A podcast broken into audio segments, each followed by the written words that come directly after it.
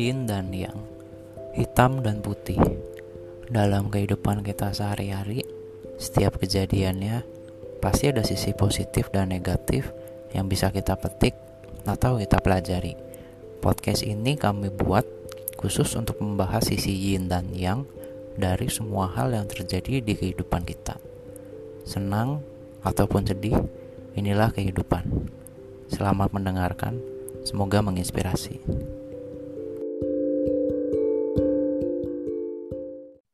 Oke guys, balik lagi ke podcast Intannya bersama gue Yuda. Dan saya Nabila. Wah, ini Mas, kita berarti podcast pertama di 2022 ya Mas ya? Ya, awal tahun banget nih, lagi fresh nih.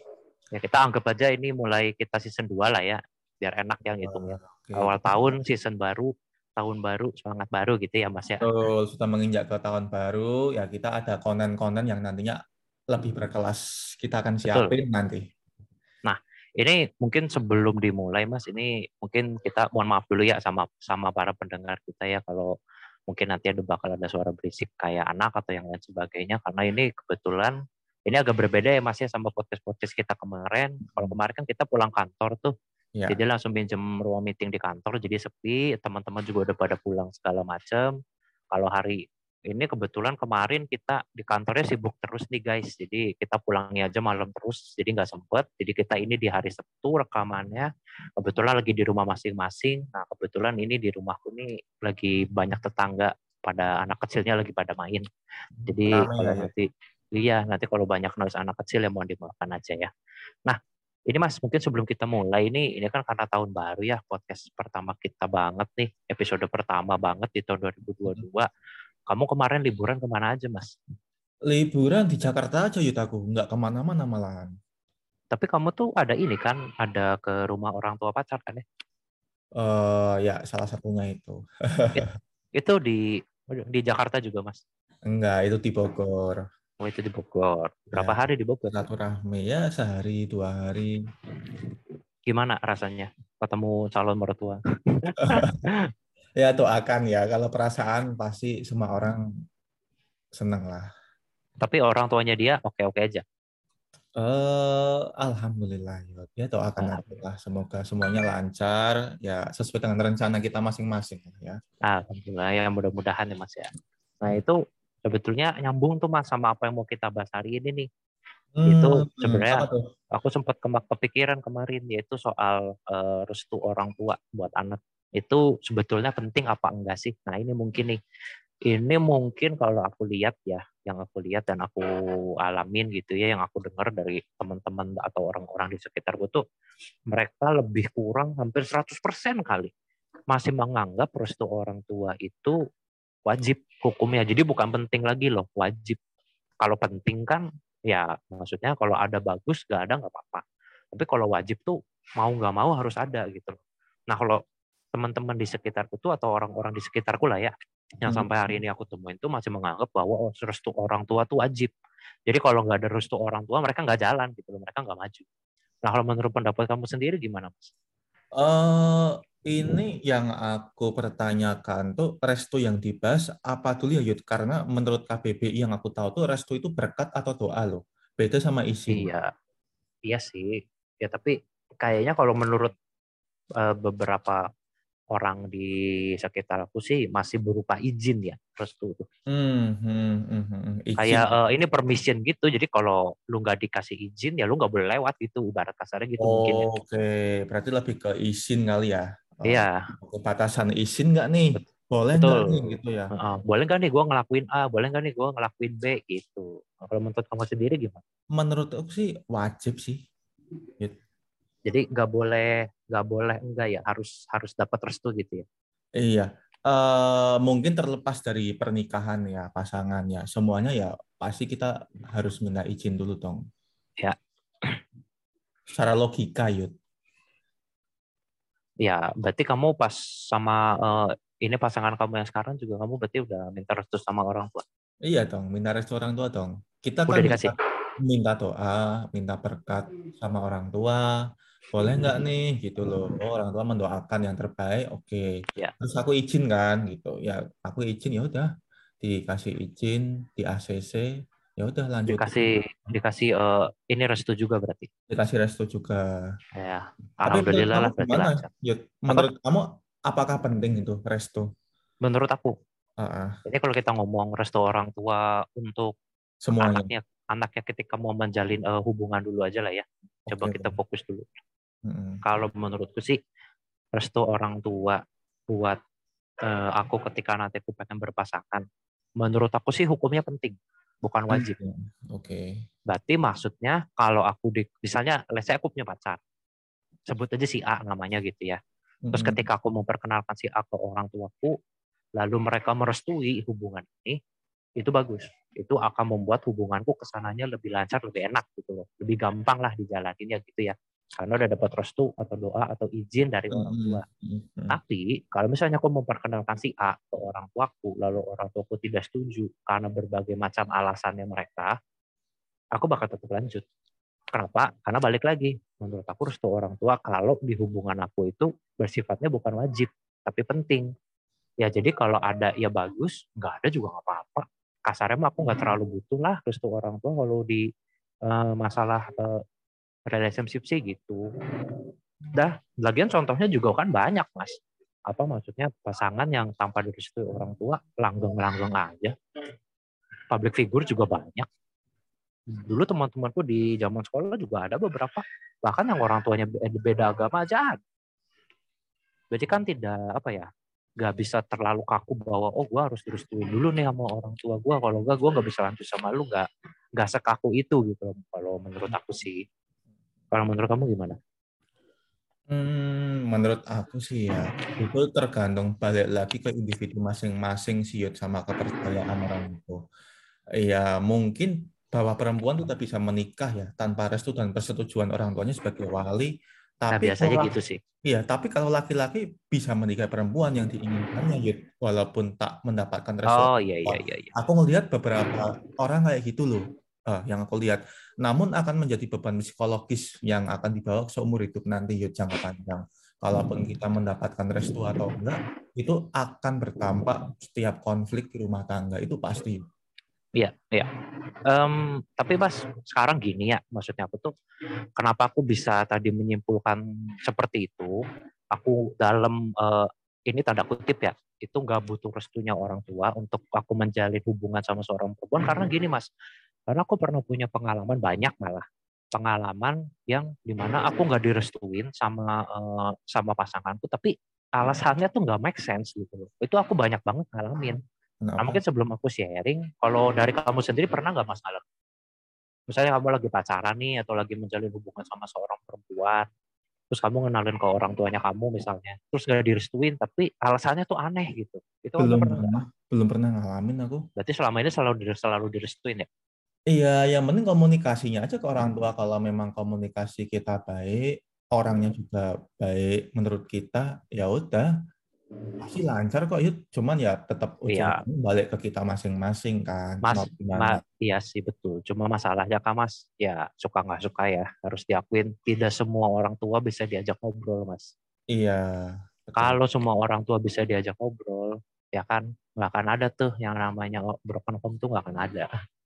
Masalahnya yang aku lihat, yang aku alami sendiri sebagai seorang anak, yang aku lihat dari beberapa temanku selama ini yang udah, maksudnya yang masih jadi seorang anak, ada yang udah jadi orang tua segala macem. Aku ngelihat sih, gak tahu ya, tapi yang menurut menurut pengalamanku sendiri sih kayaknya ego orang tua tuh gede ya mas ya. Kayak seolah-olah mereka tuh, oh gue orang tua lu, gue tuh yang melahirkan lu dengan pertaruhan nyawanya gua itu kalau dari sisi ibu kalau dari sisi ayah kayak gua tuh yang udah banting tulang hmm. apa namanya uh, air mata keluar terus darah keluar apa segala macam untuk membiayai hidupnya lu sampai sekarang jadi gua nih yang berhak gitulah menentukan 100% hidup lu tuh maunya arahnya ke mana kalau gue tuh sering mas mendengar hal-hal seperti itu bahkan mengalaminya sendiri juga pernah nah, hmm. maksudnya gue tuh jadi kayak kenapa ya kok orang tua tuh egonya kok tinggi gitu. Lalu pernah ngalamin begitu nggak mas?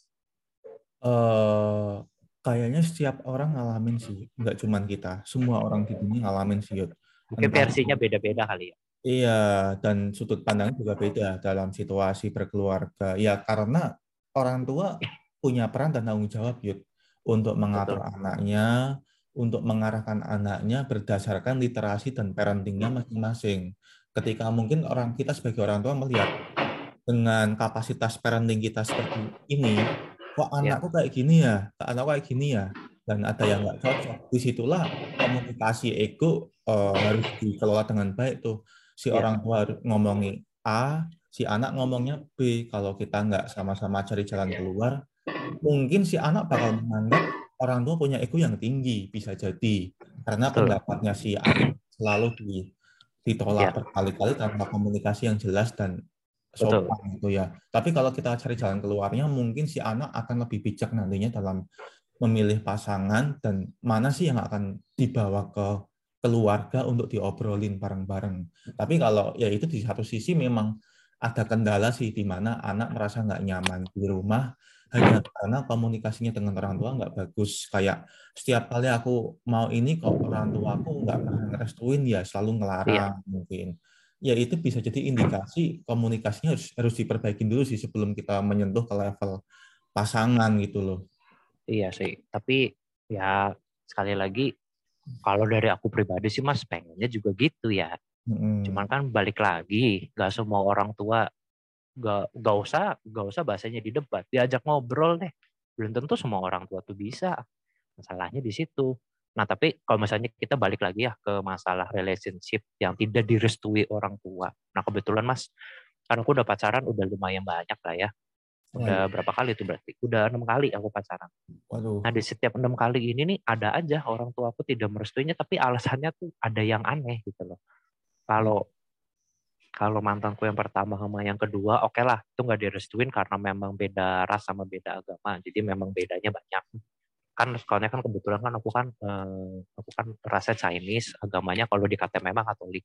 Jadi orang oh, udah pasti kalau orang tuh pengennya yang rasnya sama sama yang agamanya sama kan. Ya udah wajar lah itu aku juga sekarang pengennya seperti itu. Cuman kalau dulu pas yang pacaran pertama sama yang kedua kebetulan dapetnya yang bener-bener beda nih. Rasnya beda agamanya beda jadi memang ternyata orang tua tidak merestui, ya udah itu mah apa-apa deh. Terus yang pas ketiga, ini dari ras sama agama udah sama. Hmm. Cuman yang pas ketiga itu mungkin karena usianya terlalu jauh. Jadi waktu itu memang aku lagi kuliah semester 4 kayaknya, semester 4 atau semester 5. Punya anak les. Masih bocah kelas 1 SMP. Hmm. Hmm. Nah, pacaran tuh sama bocah SMP itu. Waduh. Iya, iya. Dulu memang ya seperti itu keadaannya. Jadi mungkin oh, orang tua gitu. tidak merestui karena usianya terlalu jauh. Tapi ya udahlah kalau dipikir-pikir lagi sekarang emang itu aneh. Jadi ya udah nggak masalah lah. Nah terus yang keempat nih, ini agak-agak gimana ya? Alasannya menurut aku sih agak-agak tidak bisa diterima. Kalau sehat karena gini, aku pacaran pas yang keempat ini nih mas, udah umurnya udah sama karena memang teman SMA terus kebetulan ketemu lagi di kuliah ya kan. Terus rasanya udah sama, sama-sama Chinese. Agamanya sama, sama-sama Katolik. Tapi gak direstuinnya alasannya aneh, Mas. Karena gini. Karena jadi gini, Mas, kalau di kampung halaman aku tuh di ini Cirebon ada ada satu stigma bahwa yang mengatakan kalau orang Cina di Cirebon pasti saling mengenal. Mm -hmm. Hampir 75 sampai 85 persen lah saling mengenal. Karena kan mungkin Cirebon kan kota kecil. Chinese-nya juga mungkin ya sedang lah ukurannya nggak terlalu banyak nggak terlalu sedikit juga. Nah jadi dengan jumlah yang segitu tapi dengan tempat yang sempit atau kecil jadinya saling mengenal kan karena ketemunya dia ya itu itu lagi itu itu lagi kan. Mm-hmm. jadi ceritanya waktu itu orang tuaku kenal sama orang tuanya si mantanku ini yang keempat karena satu gereja ceritanya. Nah waktu itu alasan aku direstuin kamu tahu nggak kak karena apa kenapa? Coba kira-kira bisa nebak kak karena satu gereja satu jamaah bukan bukan loh kalau satu gereja makan bagus, berarti kan udah saling kenal orang tuanya. Kalau orang tuanya udah saling kenal kan biasanya kan memang saling jodoh-jodohan kan. Udah anak lu sama uh, anak gua aja, biasanya kan gitu yang terjadi. Hmm. Tapi ini enggak, ini ada ada enggak direst, ada enggak direstuin ya. Karena, karena gini, apa? karena gini. Karena menurut orang tuaku, orang tuanya si mantanku yang keempat ini adalah orang jahat. Hah? Orang nggak bener lah, orang tukang korupsi, orang tukang ini, orang tukang tipu gitu-gitu. Ada rumor seperti itu. Coba kamu bayangin. Itu kata siapa? Kata ibu Kata nama. orang tua aku, iya. Ya aku nggak bilang ibu atau bapakku lah ya, pokoknya orang tua aku aja. Ada yang ngomong seperti itu. Yud, kamu kan pacaran nih sama si A aku hmm. kan kenal nih sama orang tuanya si A nih aku kenal sama bapaknya aku kenal sama ibunya karena kan satu gereja nah di gereja aja tuh yud orang tuanya si A tuh sering banget diomongin kalau nggak bener lah tukang korupsi lah tukang nyuri lah ini itu ini itu. Ya sekarang gini mas. Mungkin aku sebelum tanya pendapatnya kamu ya aku sharing pendapatku dulu ya. Hmm. pendapatku ya aku digituin reaksiku dulu satu. Dulu dulu dan sekarang sama aku reaksinya satu. Ya gue nggak peduli. Gue nggak peduli orang tuanya kayak apa. Mau koruptor kek mau tukang nyuri kek mau teroris kek gue nggak peduli. Kenapa? Karena gue mau nikahin kan anaknya si A nya yang cewek A nya ya orang tuanya mau sejelek apa pun ya gue nggak peduli lah yang gue mau yang mau gue nikahin anaknya kok. Kecuali misalnya let's say orang tuanya koruptor terus anaknya si A-nya ikutan koruptor juga, ya itu gue nggak mau. Tapi kalau selama orang tuanya koruptor, anaknya bisa baik mah, bisa menghargai duit, bisa rajin uh, sedekah, ibaratnya gitu ya, apa segala macam, ya gue nggak ada masalah dong, bener nggak? Kenapa jadi gue harus ngikutin, harus peduli orang tuanya kayak apa? Lagian emang kalau orang tuanya, let's say orang tuanya dicap jahat, kalau orang tua jahat, emang anaknya pasti jahat juga? Enggak dong, bener nggak? Hmm. Nah menurut nah menurut pendapat lu sendiri gimana? agak membingungkan ya karena itu baru rumor yuk. Kalau kalau aku sih mending aku cari tahu langsung dan bisa buktiin ke orang tua kamu gitu loh bahwa keluarganya baik-baik saja. Tapi kalau ada indikasi memang benar terbukti valid keluarganya itu bukan keluarga yang baik di mata keluarga kamu, Yud. Ya. Mungkin bisa diobrolin lagi sih ke orang tua kamu. Kalau memang kalian udah serius gitu loh.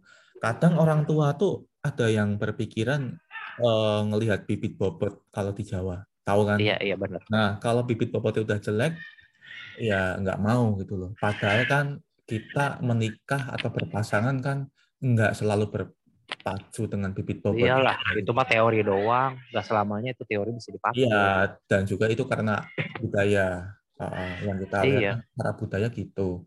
Cuman secara realnya ya tetap kita yang akan menikah dengan pasangan kita. Kita akan melakukan seumur hidup dengan dia gitu loh. Iya. Kalau iya. kita ngebentuk budaya yang baru, komunikasi yang sehat di luar bibit bobot, mungkin kita bisa memperkenalkan sesuatu yang baru dan baik itu ke orang tua kamu, Yud, bahwa kalian tuh orang baik gitu loh. Terlepas dari keluarga yang mungkin bisa, bisa dikatakan nggak baik gitu. Kalau iya, iya itu sih. Iya, mungkin make sense ya cuma kalau menurut aku sih balik lagi kalau menurut aku mah kalau buat hal kayak gitu sih aku nggak mau terlalu mikir yang gejelimut gejelimut banget aku mah gampang orang tuanya jahat anaknya belum tentu jahat. Udah gitu doang hmm. mikirnya. Lagi kita nggak usah jauh-jauh deh nggak usah nggak usah ngomongin jahat baik dulu deh. Kalau kita ngomongin bibit bebet bobot ya sekarang gini orang tuanya dua-duanya atlet. Emang anaknya udah pasti atlet? Kan belum tentu kan? Kalau ternyata anaknya nggak mau jadi atlet kan bisa jadi dia beda. Bisa jadi dia jadi pegawai bank, nggak bisa. Lah maksudnya aku tuh, kalaupun iya bener nih, anggap aja benar deh omongannya orang tuaku deh. Orang tuanya si cewek A ini, dua-duanya deh, anggapnya anggaplah bapak sama ibunya si A ini beneran koruptor. Ya kalau si A-nya enggak, terus gue harus mempermasalahkan gitu karena orang tuanya koruptor kan kagak. Harusnya kan enggak ya. Ya kecuali kalau si A-nya ketularan jadi koruptor juga. Itu baru gue nggak mau nggak akan mau nikah sama si A. Ya, tapi kalau si A-nya baik-baik aja mah ya why not? Kan yang mau gue jadiin pasangan dan yang mau gue ajak hidup bareng sampai gue meninggal kan si A-nya bukan orang tuanya. Benar nggak? Ya asalkan kalian bisa menghandle situasinya dengan kondusif sih harusnya aman Yud ya. Karena, ya itu dia yang jadi permasalahan. Iya ya, ya di depan tetap harus dapatin restu dulu Yud sebelum kalian Eh, melanjutkan hal seperti itu dengan situasi itu. keluarga yang beda.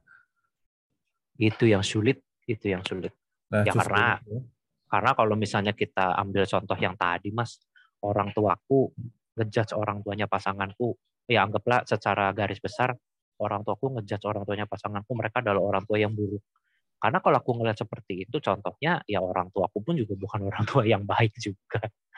Jadi maksudnya gue itu kayak gue ya aku juga pernah lagi pas di titik itu tuh dalam hati aja ya tapi ini nggak beneran diomongin tapi dalam hati tuh kayak yang lu berdua ya daripada ngurusin orang tuanya orang lain ngecap mereka jelek mendingan lu ngaca deh lu juga belum baik kok lu juga sering nyontoin ke anak-anakku hal yang gak bener juga apa sering. Jadi daripada lu ngurusin orang tuanya orang lain jelek cara ngedidik anaknya jelek ya lu mendingan ngaca karena lu juga nggak bukan orang tua yang baik gitu loh maksud aku tuh mas. Ngerti nggak? Jadi hmm. nggak tahu hmm. kenapa ya kalau aku sih sering banget ngeliat nggak usah orang tua deh orang. Orang tuh kayak ngurusin hidup orang lain tuh kayaknya doyan banget tuh. Tapi hidupnya dirinya sendiri aja masih masih belangsak masih jelek gitu loh banyak. Kayaknya memang sifat dasar orang kali ya hmm. kalau ngomongin orang enak banget gitu enteng banget lidahnya. Tapi kalau suruh ngaca susah. Tapi tetap dikasih pengertian sih Yud. Karena memang ya lu tahu sendirilah nggak ada keluarga yang sempurna Yud. Sesempurna iya. keluarga pun tetap pasti ada kekurangannya gitu loh. Nah ya, meskipun mungkin lebih banyak kekurangannya. Ya ya kita kasih pengertian nah. aja kalau akan berkeluarga pun kita juga nggak sempurna banyak kekurangannya. Bisa jadi orang tua kita sendiri pun mengeluhkan kita loh Yud dibanding iya, bisa orang sih. lain. Nah, daripada melakukan orang lain, mending ngeluhin anak sendiri dan kita perbaikin aja situasinya. Mungkin aja satu sesi momen hmm. ngobrol seperti itu. Mau nggak sih ini uh, anak kamu tuh mau melanjutkan ke sesi hidup yang selanjutnya? Nah, sebelum melanjutkan kayak gini, bisa nggak kita obrolin masalah keluarga yang mungkin masalah-masalah sepele kayak gitu, masalah intim keluarga yang kurangnya ya. apa diobrolin. Kalau memang udah dapat jalan keluar di situ mungkin bakal kebuka sih sudut pandang mana sih yang mungkin kamu akan cari pasangan yang masuk di jalan keluar itu sih mungkin yang sudah didiskusikan ketemu semua di satu sisi anak enak orang tua juga enak jadi meng mengurangi omongan nanti kalau udah berkeluarga gitu loh ya tapi sekali lagi itu kalau yang orang tuanya bisa diajak ngobrol benar nggak? Kalau orang tuanya nggak bisa diajak ngobrol bukan ngobrol lah. Soal aku sih lebih senangnya kayak jajak pendapat lah ya. Lu ada pendapat orang tua kita ada pendapat beda yuk diobrolin dia cari jalan tengahnya. Nah masalahnya tidak semua keluarga bisa seperti itu betul kan? Jangankan Kalau, keluarga yuk kita sebagai teman aja banyak kayak gitu. Iya iya makanya. Maka dari itu kan yang namanya masalah-masalah bermunculan eh pas tapi aku penasaran juga nih kamu percaya nggak sama sama pepatah lah yang mungkinnya atau kata-kata orang orang zaman dulu yang sampai sekarang masih di bawah tuh kayak gini. Kayak ibarat kasarnya oh kita nggak boleh ibaratnya kita nggak boleh ngelawan kita nggak boleh kurang ajar sama orang tua nanti kita digituin sama anaknya kita. Itu itu kamu percaya nggak sama ungkapan itu? Karma ya itu ya istilahnya. Nggak tahu dah kalau kalau kita ngomongin karma kayaknya berat deh. Mungkin kita ambil contoh itu aja maksudnya tuh kita nggak boleh kurang ajar atau ngelawan sama orang tuanya kita atau orang tuanya siapa pun karena kalau nanti kita udah punya anak, bisa jadi kita digituin sama anak kita. Nah itu ya, kamu percaya nggak? Itu karma Yud, kalau dari konteks yang kamu obrolin. Nah itu kamu percaya nggak kalau bisa bergeraknya atau berjalannya karma itu seperti itu? Sebelum percaya itu pun kita baik sama orang pun anak kita tetap bakal dijahatin sama orang. Aku percaya kok. Jadi kondisi peribahasa itu peribahasa kata kayak gitu ya aku nggak perlu percaya Yud. yang aku percaya oh, sebaik-baik kita punya anak punya teman punya keluarga pun tetap bakal dijahatin meskipun kita udah berbuat baik jadi iya sih muncul kata-kata itu pun bagiku udah biasa normal ngapain dipercaya tapi iya sih cuma kalau menurut aku agak nggak make sense agak nggak make sense itu karena gini kayak ibaratnya dulu aku pernah ya diomongin sama siapa ya sama teman kali apa sama siapa dia bilang gitu kan kayak yang Yud, lu tuh nggak boleh ngelawan atau kurang ajar sama orang tua. Ingat, someday lu juga bakal jadi orang tua lo, lu bakal punya anak. Lu nggak mau kan digituin sama anak lu. Terus tak counter gini, emang lu yakin gue bakal punya anak? Kalau gue memutuskan gue nggak mau punya anak gimana? Apakah gue jadi, apakah dengan begitu gue boleh kurang ajar ke semua orang tua yang ada di dunia? Karena gue yakin gue nggak akan digituin sama anak gue. Nggak gitu kan konsepnya. Habis itu dia langsung diem aja. Ya maksudnya gue tuh kayak jangan jadi orang tuh jangan bego lah. Maksudnya lu boleh percaya kayak tahayul atau percaya kayak apa namanya ungkapan-ungkapan lama, doktrin-doktrin lama dari zaman orang tua kita atau leluhur leluhur leluhur kita. Boleh lah lu percaya. Tapi yang lu satuin juga sama logika berpikir yang sehat. Masa kalau begitu ibarat kasarnya kita nggak boleh kurang ajar sama orang tua karena nanti kita takutnya digituin sama anak kita. Ya udah sekarang tak balik aja. Ya udah deh gua gua uh, gue ketok palu deh gue memutuskan bahwa gue nggak akan punya anak berarti gue boleh dong kurang ajar sama orang tua karena kan gue nggak akan punya anak jadi gue nggak akan digituin sama orang tua dia aja langsung mereka ya, jadi gimana harus maksudnya aku tuh kalau mau beginian ya masalah restu lah masalah orang tua lah masalah ini itu ini itu dan segala macam ajarannya menurut aku sih harus dibalangin sama logika berpikir juga ya karena nggak semua masuk logika soalnya. Dan nggak semua orang bisa berpikir secara logika ya betul terlalu kemakan tahayul menurut aku kemakan idiom atau ajaran-ajaran dari para orang tua atau para leluhur sih kalau menurut aku mah yang aku sih nggak bilang bagus apa enggak enggaknya ya cuma maksud aku tuh ajaran-ajaran itu harusnya dipikirin lagi lebih lanjut menurut kamu gimana? Tapi Yud ya uh, terlepas masalah orang tua baby boomers yang dulu mungkin keyakinannya beda dengan kita ya. Iya. Aku pikir ya dan aku rasa memang udah saatnya kita mulai harus mengkomunikasikan secara secara halus yeah. ya, bukan paksa yeah. nih, secara halus orang tua niat kita ke depan mau gimana, orang tua yeah. juga maunya apa, cari solusi bareng-bareng sih. Jangan sampai kita udah gede dewasa, kita bergerak sendiri, orang tua nggak tahu Yeah. Terus ketika kita tiba-tiba minta sesuatu, orang tuanya kan bingung dan nggak bisa menjawab, mencari jalan keluar bareng. Nah di situ itu momen paling nggak enak sih, nggak nyaman menurut menurutku ya. Kalau memang nggak nyaman yeah. ya udah, mending komunikasikan bareng-bareng gitu loh, cari jalan keluar. Udah saatnya sih, Yud, kita nggak nggak boleh diam bergerak sendiri, tiba-tiba uh, muncul dengan satu konsep masa depan yang baru kita bawa ke keluarga dan keluarga nggak nyaman juga karena kita belum mendapatkan restu, belum mendapatkan ya. izin dan komunikasi yang jelas sih menurut aku ya. Ya, make sense sih. Ya, gimana ya? Agak berat sih ya. Maksudnya aku tuh meskipun aku dengan pengalaman pacaran seperti itu udah berapa beberapa kali pacaran terus ada aja nggak direstuinnya tapi kalau sebenarnya aku ditanya, Mas, aku pengennya apa di hati kecilku sih sebenarnya aku juga pengen someday bisa punya pasangan atau punya pacar tuh yang hubungannya akunya tuh terus direstuin sama orang tua aku tuh pengen. Jadi biar ke sananya juga gampang gitu. Aku juga pengen. Cuma masalahnya ya, ya itu tadi balik lagi. orang tua mungkin punya jalan berpikir sendiri, yeah. yang mungkin dia dapat dari orang tuanya dia apa dari mana, gue juga nggak tahu terus habis itu untuk diajak ngobrol atau untuk diajak diskusi atau diajak tukar pendapat juga susah. Ya jadinya ya juga susah gitu kan. Aku juga pernah mas ngalamin di pacaranku yang terakhir. Ini aku bukannya rasis apa gimana ya cuma kebetulan waktu itu kan aku pacaran sama cewek Batak nih. Mungkin kan stigmanya orang tuaku mereka nganggep oh kalau orang Batak itu orangnya galak-galak kalau ngomong aja kan nadanya kenceng-kenceng kan kalau orang Batak kan rata-rata. Takutnya orang tua aku tuh karena orang tua atau orang tua aku tahu aku orangnya keras juga. Jadi takutnya kalau aku pasangannya sama cewek Batak, nanti sekalinya ribut gede banget. Dianya galak, si ceweknya galak karena keturunan Batak, akunya memang dari sononya emang emang galak juga. Gitu loh Mas, kebayang nggak? Nah, waktu itu aku nggak direstuin cuma karena hal itu. Hmm. Cuma karena si ceweknya cewek Batak, jadi orang tua aku takutnya dia uh, ini pemarah, galak gitu. Menurut aku sih nggak make sense.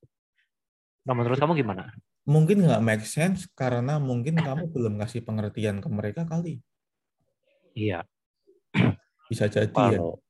Mungkin, cuma kalau orang tua aku ya termasuk tipe orang tua yang sulit dikasih pengertian.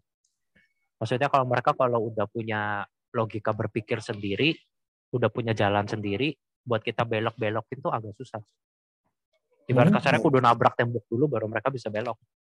Ya itu itu pilihan ya pilihan. Ya itu susah makanya. Ah, cuman mungkin dikasih benefit aja yuk kalau kita ngobrol ke orang. Jangankan orang tua deh. Aku ngobrol ke kamu dan kamu nggak terima gini. Ya, ya aku kasih benefitnya. Ini benefitnya loh kalau aku punya konsep kayak gini. Nah, dan ini masih ada positifnya. Kenapa sih masih berpikiran negatifnya dibanding ya. positifnya? Ya. Toh kita uh, mau ngelakuin bareng-bareng juga menuju ke positif kan, bukan negatif. Kalaupun negatif ya udah, biar ini urusan kita. Kalian nggak usah ngurusin kita lagi ribut, berantem gitu loh. Oh ini urusan kita gitu loh. Yang penting kalian mendapatkan positifnya aja lah. Itu udah cukup. Ya. ya Ya, make sense sih. Ya, aku juga aku juga maunya gitu ya. Cuman ya sekali lagi sulit. Aku sih nyoba mah pasti selalu nyoba.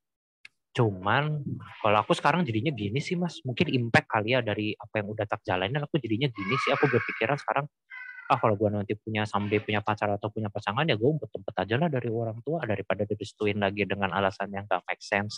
Tapi mereka diajak debat atau adu pendapat gak mau, gue hanya sendiri yang stres nambah-nambah pikiran. Ya udah aja gue ini ibaratnya kayak backstreet. Nanti gue ceritanya kalau gue udah pengen merit. Jadi mereka udah nggak bisa berdalih lagi. Ibarat kasarnya gitu gue ada rencana gitu sih. Tapi itu kan salah satu trik menghindar ya nggak menghadapi masalah. Iya sih memang. Iya kalau memang dikira kamu memang itu nggak baik ya ngapain dilanjutin? Mending ngobrol baik terus terang. Nanti bakal ada akan ada saatnya kok kamu bakal menemukan teman sahabat itu yang bakal lepas dengan background keluarga kamu meskipun ya ada beberapa negatif yang bakal dikomen, dikomplain. Iya. Ya, tapi itu kan sih kalian, bisa lepas lah ya komen. Hmm, tapi kan kalian udah bisa cara mengakalinya gimana sebagai tim gitu loh. Iya. Iya sih. Ya udah, lanjutin yang positif aja lah. Toh masih masih banyak yang positifnya yuk ngapain text kayak gitu. Banyak sih yang positif. Covid aja sekarang positifnya banyak. Nah, itu dia. Anjing lah, Om Riko nih brengsek juga nih. Oke Mas, mungkin itu aja kali ya. Luar biasa sih uh, ini pembahasannya. Tapi sebenarnya kalau mau dibahas lebih lanjut lagi mah bisa berjam-jam ini nggak selesai. Apalagi kalau kita ngundang bintang tamunya yang udah pernah jadi orang tua. ah seru tuh itu pasti. Tapi tapi ya uh, aku sih asumsiku ini masih asumsi sih. Apa? Kalau manggil bintang tamu orang tua kebanyakan mereka akan sharing lebih banyak sharing positifnya sih daripada negatifnya. Tetap negatif, tetap di-share. Cuman yang namanya sebagai orang tua, masa kita mau sharing totalitas negatifnya kan ke orang lain kan nggak mungkin kan. Ya mereka pasti jaim juga. Bisa jadi jaim. Dan mereka juga ingin menjadi publik yang positif, yang selalu uh, menyalurkan. Betul. Oh ini nih, si Yuda, si Nabil masih masih belum menikah nih. Aku kasih share uh, positif lah gitu loh. Masa ya kita selalu tiap hari nge-share personal isu terus tentang masalah rumah tangga kan nggak mungkin juga.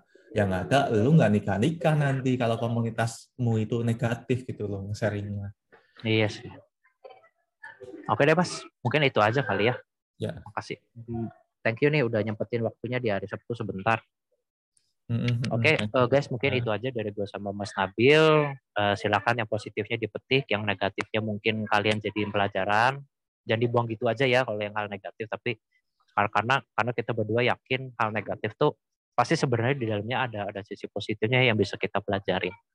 Nah, mm-hmm. uh, mungkin itu aja guys untuk podcast episode kali ini, episode pertama kita di season kedua ini di tahun 2022.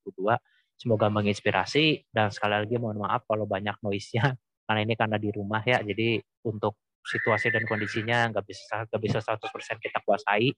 Um, untuk episode ke depan ke depannya kita bakal usahain buat kita cari tempat yang lebih baik lagi gitu ya mas ya biar nggak berisik.